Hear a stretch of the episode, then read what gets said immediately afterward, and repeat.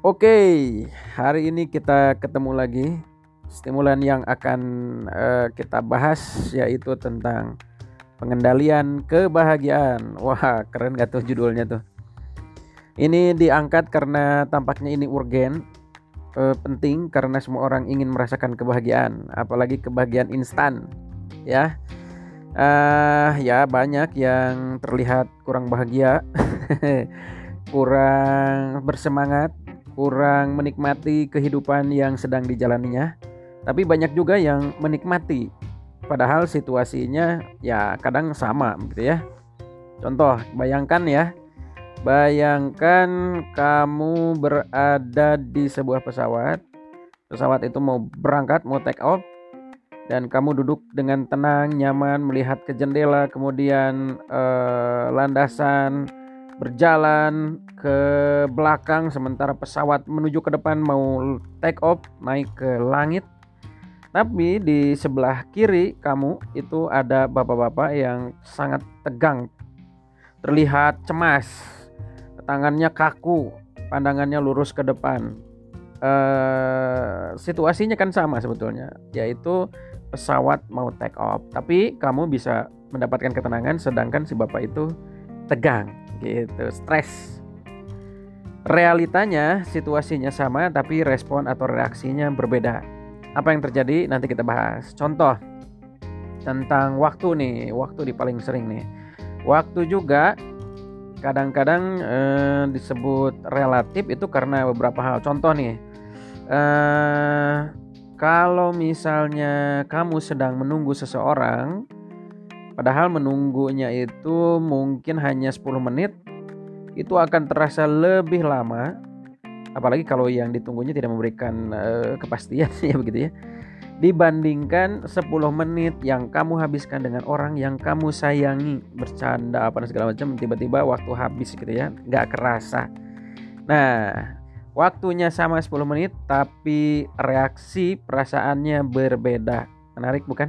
Oke ya ada perbedaan di sana atau misalnya sedang mendukung tim sepak bola yang eh, sedang kalah ada perpanjangan waktu buat kamu yang kurang pede dengan perpanjangan waktu itu ya mungkin akan terasa lama karena ingin cepat selesai gitu ya.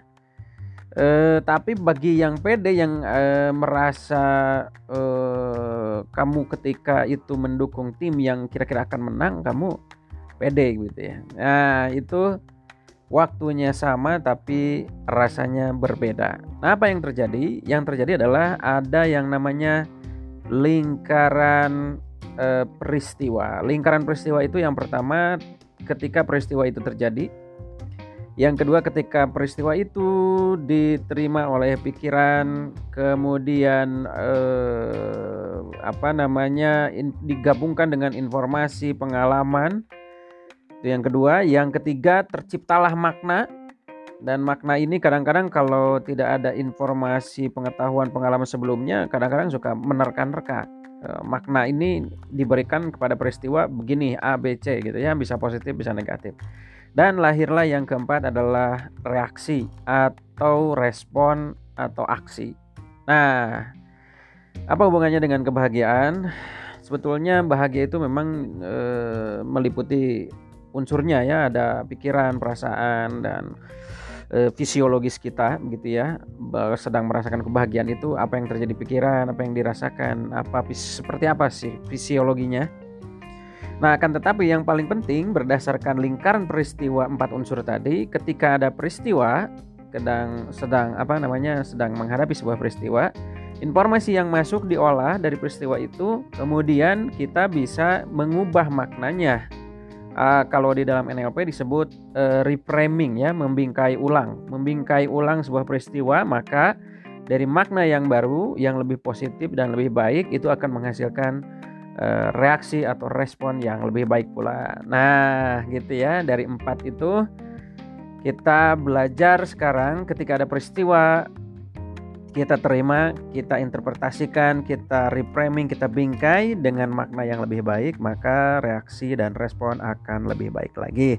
Nah, mudah-mudahan semudah itu eh, kebahagiaan bisa dicapai gitu ya. Selamat berbahagia, selamat mengubah makna dan selamat eh, apalah menikmati kehidupan yang sedang terjadi yang sudah dialami eh, dan ke depan diri kita menjadi lebih mudah untuk bahagia. Terima kasih telah mendengarkan. Oke. Okay? Sukses untuk Anda semua. Sip.